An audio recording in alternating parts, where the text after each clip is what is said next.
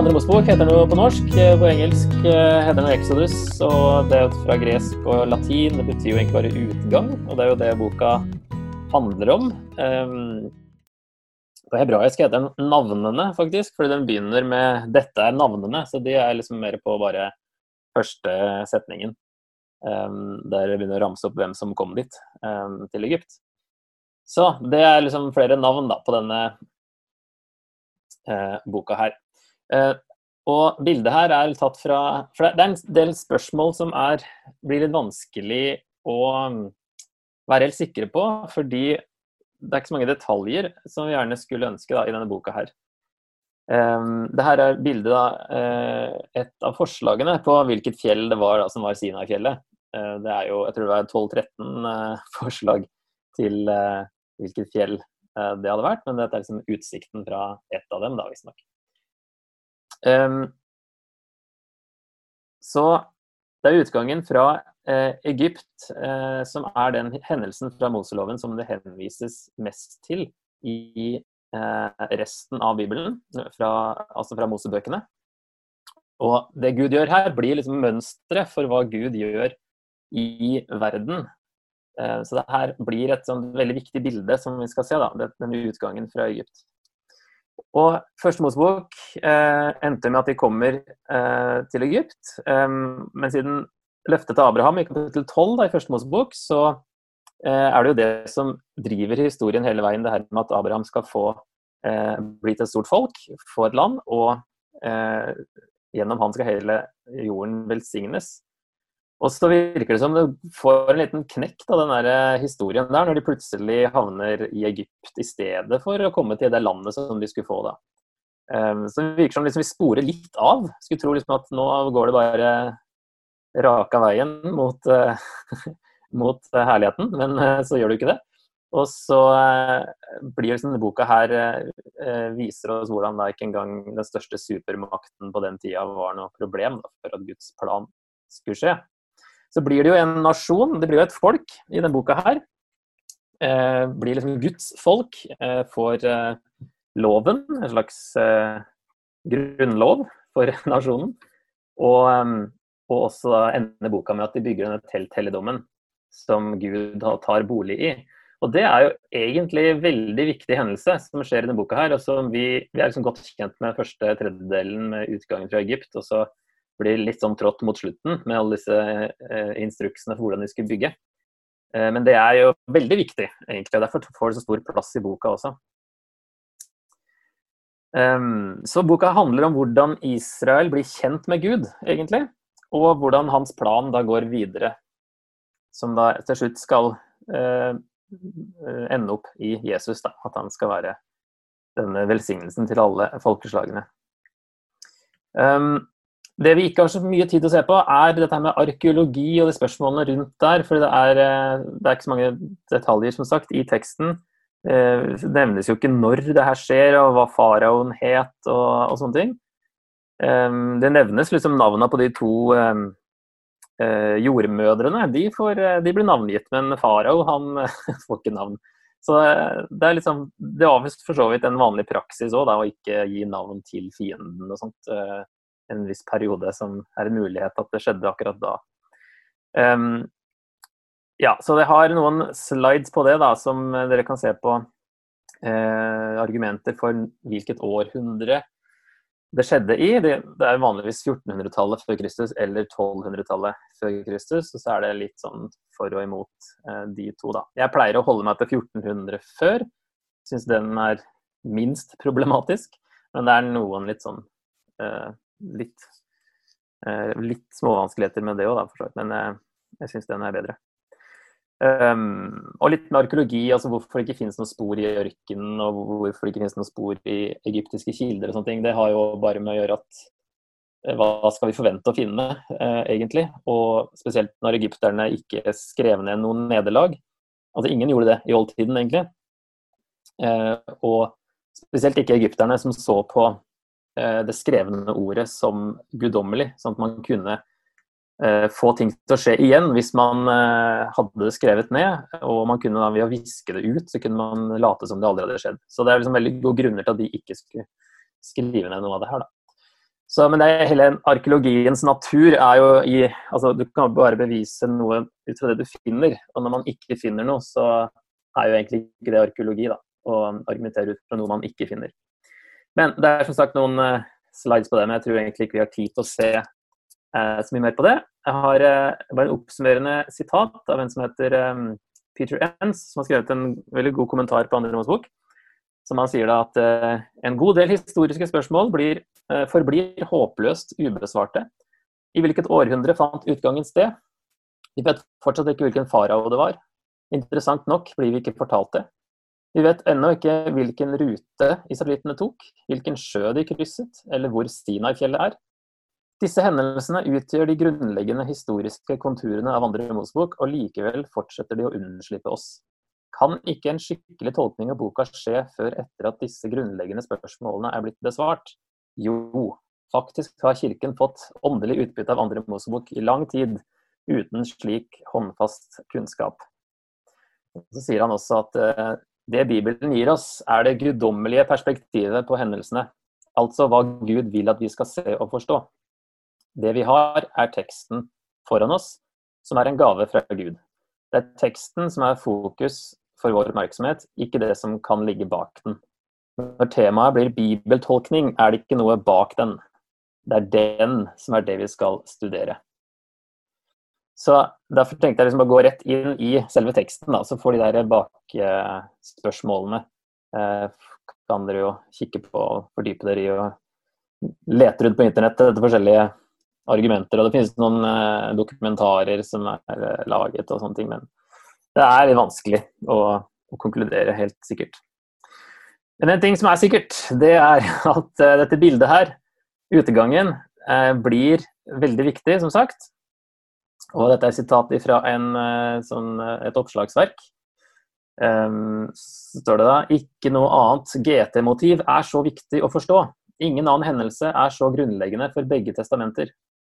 Våre oppfatninger om utfrielse og soning, om Gud som bor hos sitt folk, om Gud som velger seg ut et folk, osv har sine røtter i denne hendelsen. Så det her var jo egentlig den eh, eneste frelsen eller forløsningen de kjente til, da israelittene. Så det er jo naturlig at det blir et bilde og en modell for hvordan Gud liksom handler utover i Bibelen. Um, så det er jo en utgang til når de kommer ut fra eksilet i Babylon, som uh, blir si, oppå denne lesten her, da, i, i profetene, så, så, kobler de de to sammen. Men så er det det at uh, frelsen i Jesus òg egentlig blir um, en, det som hele utgangen peker fram mot. Spesielt i Matteusevangeliet så blir jo Jesus fremstilt som den nye Moses. Um, der uh, Matteus har med det her med at Jesus kom uh, ut av Egypt. Eh, han var jo der som, eh, som barn, eh, flyktning, og så siterer da Matteus Han siterer Hosea, og Hosea snakker om utgangen fra Egypt, da Israel kom ut av Egypt. Matteus bruker det om Jesus og sier da 'fra Egypt kalte jeg min sønn', og bruker det om Jesus at han på en måte er ikke bare en ny Moses, men en, en personifisering og en oppfyllelse av hele Israel og Israels historie en sånn rar bruk av profetier, kanskje, syns vi. Men, eh, men, eh, han vil veldig få fram den linken der, da, at nå har alt det som hele historien i Gammeltestamentet har leda opp til Jesus. Eh, Jesus er 40 dager i ørkenen, akkurat som folket er 40 dager i 40 år i ørkenen i Fjerde Mosebok. Både Moses og Jesus ble jo nesten drept som barn av farao og Herodes. Og Paulus han lager også en kobling mellom eh, Sivsjøen, eller Rødehavet, som vi kanskje er vant til å si, vi skal se litt på det senere, og dåpen i første Korinterbrev 10. Um, ehm, så det er, er, flere sånne eh, koblinger der med, med Jesus og, og, Moses. Det er jo også eh, bergprekenen, at Jesus er oppå et, et fjell, eh, sånn som Moses var, og at det er fem store taler i Matteus da, som man regner med er liksom en modell på de fem Mosebøkene. Um, så det er eh, kobling der med Moses, og så er det òg påskelammet, selvfølgelig, som eh, innstiftes her i andre Mosebok, og som oppfylles eh, av Jesus, at han er, eh, han er påskelammet, og han gir påsken en ny, eh, ny mening. Og da sier jo plutselig at 'gjør dette til minne om meg', sier han, når egentlig det måltidet var til minne om utgangen fra Egypt. Så der tar han liksom over hele den. og så eh, dette møteteltet også, eh, der Gud tar bolig i det aller siste avsnittet. Så eh, har vi jo det i Johannes 1, 14, så står det at eh, ordet ble eh, menneske og tok bolig iblant oss. Og det ordet er jo da bokstavelig talt at han slo opp sitt telt iblant oss og at vi så den herligheten som han har fra sin far. Da, altså det som er Guds herlighet, som tok bolig i teltet i andre Mosebok. Den herligheten, Guds herlighet, kommer i at Jesus eh, eh, altså Ordet blir menneske og slår opp sitt telt iblant oss. At Guds bolig eh, kom eh, Guds nærvær kom plutselig på den måten. Um, så oppsummerer jeg at hele utgangen peker jo fram egentlig mot frelsen i Jesus, og derfor blir dette en veldig viktig hendelse for oss også. Um, her er en liten oversikt over boka. Um, utgangen fra Egypt, de første 15 kapitlene, så er det det som er kanskje mest kjent. Og så er det noen kapitler i, i eh, ørkenen, der det er uh, mye klaging. Selv om de akkurat har blitt redda, så er de egentlig ganske håpløse, de folka her. Altså, syns Gud er veldig tålmodig med dem. De klager på det meste, og liksom nesten bare på altså, den minste ting skal de gjøre, gjøre imot det Gud har sagt. Da. Det er fascinerende. Så, men liksom, de har ikke helt skjønt hvem Gud er, så Gud holder på å etablere en relasjon med dem. Og så er det jo et høydepunkt eh, når han åpenbarer seg på Sina i fjellet, da, i kapittel 19. Eh, og så etter det så er det da Da inngår de pakt, og de får da eh, loven. Begynner å få loven. Den får de jo mer og mer av utover i Mosebøkene. Og, um, og, så bygger de det teltet her, da. Uh, ti bud i kapittel 20, og så er det noe som heter paktsboken, som er i de 21-24, neste kapitlene der. Det er liksom de første lovene de får. Og så får de instruksjoner for å møte teltet, og så det, si, før, de skal, før, de bygger, så er det den derre eh, krisemellomspillet her med gullkalven, der alt holder på å gå i vasken. Um, og så bygger de det til slutt, da, og der er det jo at alle de her detaljerte instruksjonene som vi akkurat har lest i kapittel 25-31, de gjentas en gang til i kapittel 35-40. Så der kan det være at man liksom detter litt av før det blir litt mye sånne detaljer og ting som ikke er helt eh, relevant for oss, føler vi. da. Men det var relevant for de første leserne, siden det får en tredjedel av boka. For det er en sånn tommelfingerregel at det som tar lengst tid å lese når det gjelder disse fortellingene i Gammeltestamentet, det som tar lengst tid å lese, det er viktigst. Så det her er veldig viktig. og vi skal, ja, Litt annerledes for oss da når vi eh, ikke er så det er ikke så relevant for oss lenger, dette møteteltet. Og litt sånn eh, litteraturting som også er litt sånn eh, fascinerende her. Um, I kapittel 1 og 2 så er det allerede flere sånne ting som det er greit å være klar over, som det nok er flere av utover i boka også. Forfatteren, hvem det nå var, Moses eller uh, andre. um, jeg holder jo en knapp på at Moses hadde en god del med det å gjøre, i hvert fall. Um, men han prioriterer jo hva han skal ha med. Uh, F.eks.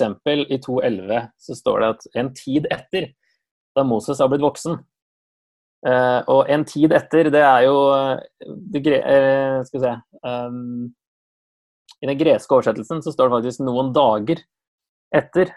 Men det er jo hele barndommen til Moses, så å si. Etter han var barn, til han plutselig Da Moses har blitt voksen. Um, rett før det, forrige som skjedde, var at han uh,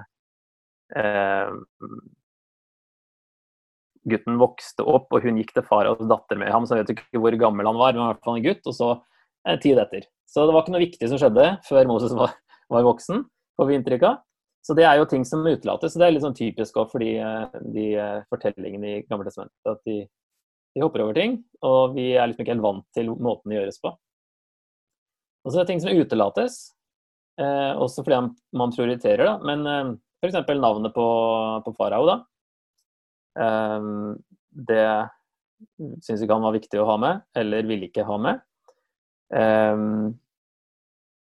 og så har vi også i kapittel to står det at det var en mann av Levis hus som giftet seg med en levittdatter. Kvinnen ble med barn og fødte en sønn. Og det er da Moses. Men eh, så leser vi jo senere at han har jo to eldre søsken. Som Aron og Moses er jo begge eldre enn Moses. Eh, Aron og Miriam, mener jeg, er eldre enn Moses. Og, men de nevnes jo ikke her, og det høres ut som at Moses er det eldste, si, første barnet som blir født her, men det er, liksom, det er han det handler om. og da utelater man andre ting. Og så plutselig får vi en overraskelse om at han hadde jo søsken, osv. Eh, og så er det det som heter eh, litt sånn fancy ord, da, antropomorfismer. Som er egentlig menneskeliggjøringer, der Gud fremstilles som et menneske. F.eks. at eh, Gud husket sin pakt med Abraham, Isak og Jakob, akkurat som han hadde glemt den. Så sånne ting må vi ikke liksom reagere så voldsomt over. At Gud, har, Gud er glemsk. Men det er, eh, det er liksom fortellerstil, og for å gjøre det kanskje litt mer underholdende, på en måte. Så at Gud huska det, det er nok ikke helt sånn bokstavelig, da. Det er at Gud fremstilles med menneskelige trekk. Så eh, litt sånne ting. Og kronologisk er det også litt sånn fram og tilbake, ut og inn av historien, og litt fram til de er i landet, og så tilbake igjen. Så vi er ikke helt vant med det, og det er kanskje også vår vestlige måte å tenke på, at uh, ting skal være rett og presist og kronologisk, mens her eh, skriver man på en annen måte. Eh, og syns at det er greit. Det er ikke så viktig da, at alt er eh, helt kronologisk hele veien. Jeg ser om vi kan ta noen av de tingene etter hvert. Um, Moses, da, han um, er jo liksom motvillig i uh, kallet sitt. Han uh, han eh, er jo allerede ved Guds fjell, som det kalles. Det er denne busken, eh, der han oppdager den busken. Og Gud sier at han eh, skal få han skal lede hele folket tilbake hit. Til det samme fjellet der han har sett denne brennende busken. Um, og i stedet for at han liksom da Altså, det er kanskje at Gud sier at det skal være et tegn at du skal få hele folket tilbake eller ut av Egypt og til dette fjellet, så er ikke sikkert Moses Det hjelper ikke han så veldig der og da, kanskje, eh, det tegnet som skal skje i framtiden. Så um, i stedet for å bli glad, eh, eller begjæret over å være den som Gud skulle bruke til det her, så får vi liksom en helt motsatt reaksjon. Um, og Moses da stiller spørsmålstegn ved Guds uh, visdom og Guds uh, avgjørelser uh, fem ganger. Man blir litt sånn svett etter hvert på Moses, som tør å komme med flere og flere innvendinger. Først så spør han hvem er jeg, og Gud svarer bare 'jeg vil være med deg'. Så det trenger du ikke å tenke på. Og så ja, hvem skal jeg si har sendt meg? Og så svarer Gud på det. Herren, fedrenes Gud, Abrahams Gud, Isaks Gud og Jakobs Gud har sendt meg til dere. Liksom. Da skjønner de hvem, hvem jeg er. Um, ja, hva om de ikke tror meg, da? Ja, så her har du tre tegn. Og der, i den uh, nummer to der, så sier han jo liksom Ja, um, sett at jeg går. og, og, sier Altså, jeg sier ikke jeg skal gjøre det, men sett at jeg gjør det. Sånn hypotetisk. Så han er veldig sånn ikke ivrig i det hele tatt. Uh, så skylder han på at han er en dårlig taler. Gud svarer igjen at jeg skal være med deg. Og til slutt så sier han rett og slett bare Kan du ikke sende en annen i stedet? Altså, han vil jo egentlig ikke. Uh, har egentlig ikke lyst. Uh, ingen av Guds forsikringer uh, overbeviser. Og da blir jo Gud litt sint. Og sier at han kan bruke Aron. Hvis ikke han tror på Gud, så kan han bruke Aron. Så det vitner jo ikke om så veldig stor tro på Gud i starten her. Han leter etter kan vi kalle det for verdslige forsikringer på at det kommer til å funke. Så Moses, som etter hvert ble liksom den største personen i jødedommen. Han begynte jo mindre bra. Det er jo ikke så utypisk det, egentlig, i Bibelen. da. Men uh, han har jo drept en person og har etter det fått mistillit hos israelittene, egentlig. For når han kommer og bryter opp den andre slåsskampen mellom de to hebreerne, så spør jo de hvem har satt deg til leder og dommer over oss? Og Det virker som er et sånt et slags refreng som nesten går gjennom boka hele veien. Da. Som at folket er kritiske til han, og han har ikke helt uh, uh, tilliten. Og de stoler ikke på Gud heller. Uh, og til slutt kommer de jo ikke inn i landet heller, fordi de vil jo egentlig ikke inn dit. De vil jo bare tilbake til Egypt. Um, han har flykta, han har vært borte i mange år og har egentlig ikke noe lyst til å ta på seg den oppgaven her. Men han vokste jo veldig da, med oppgaven. Så her er jo en liten sånn med vårt, eh, det vi kalles til, da, kan vi jo lure på hvordan vi stiller oss. Om vi stiller spørsmålstegn ved hva Gud har kalt oss til, og hvordan vi reagerer på ting.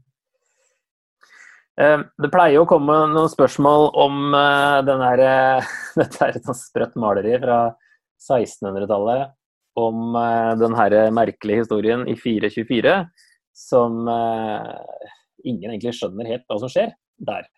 Um, når det står at uh, mens Moses var underveis og hadde søkt nattelig, møtte Herren ham og ville ta hans liv. Sippora tok da en kvast stein og skar av forhuden på sønnen sin og berørte føttene hans. Hun sa, du er min blodbrudgom. Da lot Herren ham være. Hun sa, en blodbrudgom på grunn av omskjærelsen. Uh, det er jo et av de rareste avsnittene, egentlig, uh, som mange har diskutert, og som egentlig da Det er så vanskelig å vite hva som skjer her. Fordi For det første er det ulogisk. Hvorfor skulle Gud ville ta livet av Moses rett etter at han endelig har fått overtalt ham? Etter det her som vi så på i stad. Og så er det tvetydige pronomener. I teksten vår på norsk så står det Moses, men det står egentlig ikke Moses på hebraisk. Det står bare ham. Og eh, det står heller ikke Herren, faktisk, i vers 26. Det står bare han. Uh, så det er Eh, det er ikke helt tydelig. Og så er det noen ting som er uklare. Eh, hvilken sønn er det? Eh, hvorfor var han ikke omskåret? Er det bokstavelig føtter, eller er det en såkalt eufemisme, altså en sånn pynting på sannheten? At det egentlig er Det er jo vanligvis snakker om føtter istedenfor kjønnsorganer. Og så er det da Hva mener Sipora med å si en blodburgam? Det er, det er så lite å gå på at man da ikke har så mye å være, være, si, være, sikker på hva som skjer her. Men forslag, da. Det er vel to forslag jeg har med her. Um, et som jeg ikke hadde hørt før, det var at det som Gud har sagt rett før, i vers 23, så sier han at Moses skal si til farao at la min sønn dra, så han kan tilbe meg. Altså la Israel dra, så han kan tilbe meg. Men nekter du ham å dra, se, da vil jeg drepe din førstefødte sønn. Eh, så det er liksom det Gud akkurat har sagt, og sannsynligvis betyr det at Gud skal drepe alle førstefødte, som det nevnes senere. da. Og derfor gjelder det også Moses sin førstefødte, han som het Gershom. Um, som er da den uh, sønnen det dreier seg om her, mener den, ene tolkningen. Og når Herren møtte og ville ta hans liv, så er hans referert tilbake til den førstefødte, som er den forrige som har blitt nevnt. Og derfor er det ikke Moses, men også sønnen hans det er snakk om. Siden han ennå ikke hadde blitt omskåret. Og så er det da Sippora som omskjærer Gershom, mens Moses, Moses holder ham fast før han lot ham gå. Um, Istedenfor da lot Herren ham være. Jeg tror det ikke står Herren der, egentlig. Um, så det ble en helt annen tolkning som jeg ikke hadde hørt før. At det her uh, det er Moses som uh, lot ham gå, ikke Herren som lot Moses gå. fordi det er en vanskelig tekst. Eller hvis vi beholder pronomenene, sånn som i oversettelsen her av 2011, um, så er det det at Moses ikke har tatt omskjærelsen alvorlig og unnlatt å omskjære sin egen sønn. Noe skjer her som gjør at Moses skjønner at dette må gjøres, og han har tydeligvis tid til å utføre omskjærelsen. Og dette var såpass viktig at Gud truer med å ta livet av Moses. Eh, så er det også, Hvis det blir smått å se her, så beklager jeg det akkurat nå. Jeg skal ikke gå så inn i detaljer senere, men jeg tenkte den her er såpass vrien at det burde si noe om den. Men det var noen som også en likhet med Jakob i første Osebok 32, som slåss med en engel. da. Eh, fordi det, det, skjer også på kvelden, sånn som denne her historien. Eh, begge er på vei tilbake til hjemlandet som de hadde flyktet fra i frykt. Begge har med seg familie de hadde fått i, i utlandet ved å gifte seg med en fjern slektning, og begge reisende er på Guds befaling. Så i første Mosebok 32 så må Jakob lære å kjempe, og ikke være en snik, som han har vært til da. Han må lære å liksom stå fast. Eh, og Moses må som Israels store befrier lære å ta seriøst det eneste som skiller Israel fra andre folk på denne tiden. Altså omskjærelsen. Og så må vi da lure litt på hvorfor eh, Gud gjør det på akkurat den måten, men det er såpass lite detaljer og veldig kort tekst, så det er vanskelig å vite hvordan dette skjedde, osv. Hovedpoenget er jo at pakten med Abraham med omskjærelsen som tegn er hele grunnen til at de reddes. Det er jo derfor eh, det er den planen med å løfte til Abraham som er eh, hele poenget. Og Leserne ville forstå at det viktigste å huske på etter at Gud har reddet dem, det er å holde pakten og bli omskåret. Um, ja, jeg tenker vi lar det være med det. Og så uh, skal vi ta den herre um, Skal vi se Vi tar slutten av kapittel fem, for der har liksom uh, uh, Moses vært hos farao. og da får vi liksom Skulle jo tro at nå, nå skal det virkelig gå bra. Eh, når Moses endelig har blitt overtalt, og han har liksom uh, kommet seg til farao, og uh, så går det jo dårlig i starten. Altså, det blir bare verre. Fordi her slavearbeidet blir jo verre, istedenfor at det skal bli bedre. Og de må levere samme mengde murstein som før, men får ikke halm, og du må gå og finne halmet sjøl til å lage det. Så det blir bare enda mer jobb for samme resultat, egentlig. Og eh, så sier da disse tilsynsmennene som kommer ut, sier i vers 21 eh, i kapittel 5 eh, til Moses og Aron, sier de måtte Herren se dere og dømme dere, for dere har gjort oss frastøtende i faraos og hans tjeneres øyne. Dere har lagt sverdet i hånden på dem så de kan drepe oss. Så kommer de versene her, da. Da vendte Moses seg til Herren igjen og sa, Herre, hvorfor har du handlet ondt mot dette folket? Hvorfor har du sendt meg? Fra den stund jeg gikk til farao for å tale i ditt navn, har han handlet ondt mot dette folket, og du har ikke gjort noe for å befri folket ditt, sier Moses. Um, han hadde jo helt klart forventa noe mer, og han sier at Gud har ikke gjort noen ting. Og så er det jo kapittel seks, kanskje det første verset der, at uh, Gud svarer, da. Nå sier Herren sa til Moses, nå skal du få se hva jeg vil gjøre med farao. Tvunget av en sterk hånd skal han la dem dra, og tvunget av en sterk hånd skal han drive dem ut av landet sitt. Så her er det jo Moses virker som han fokuserer på utfallet eh, her og nå, ikke på Guds karakter og Guds løfter om å holde denne pakten med Abraham, og ser egentlig litt for mye på seg sjøl og sin egen situasjon, sånn som vi òg fort kan finne på å gjøre. Eh, så kanskje at når alle er håpløse, da kan Gud gjøre sin greie. Når eh, det virkelig har nådd bunnen. Trodde det var på bunnen, men det var det ikke. Det var enda, det kunne bli enda verre. Men så kanskje det er trykk på nå, da. Det er jo vanskelig å vite, men nå skal du få se. Uh, vi må komme hit først, liksom. Så jeg tenkte jeg kunne ta en liten sånn to-tre minutter bare for å få litt samtale uh, underveis. Jeg kom litt senere enn jeg hadde tenkt, da. Men eh har Det jeg tenkte vi kunne snakke litt om, er jo bare Kan vi lære noe av det her?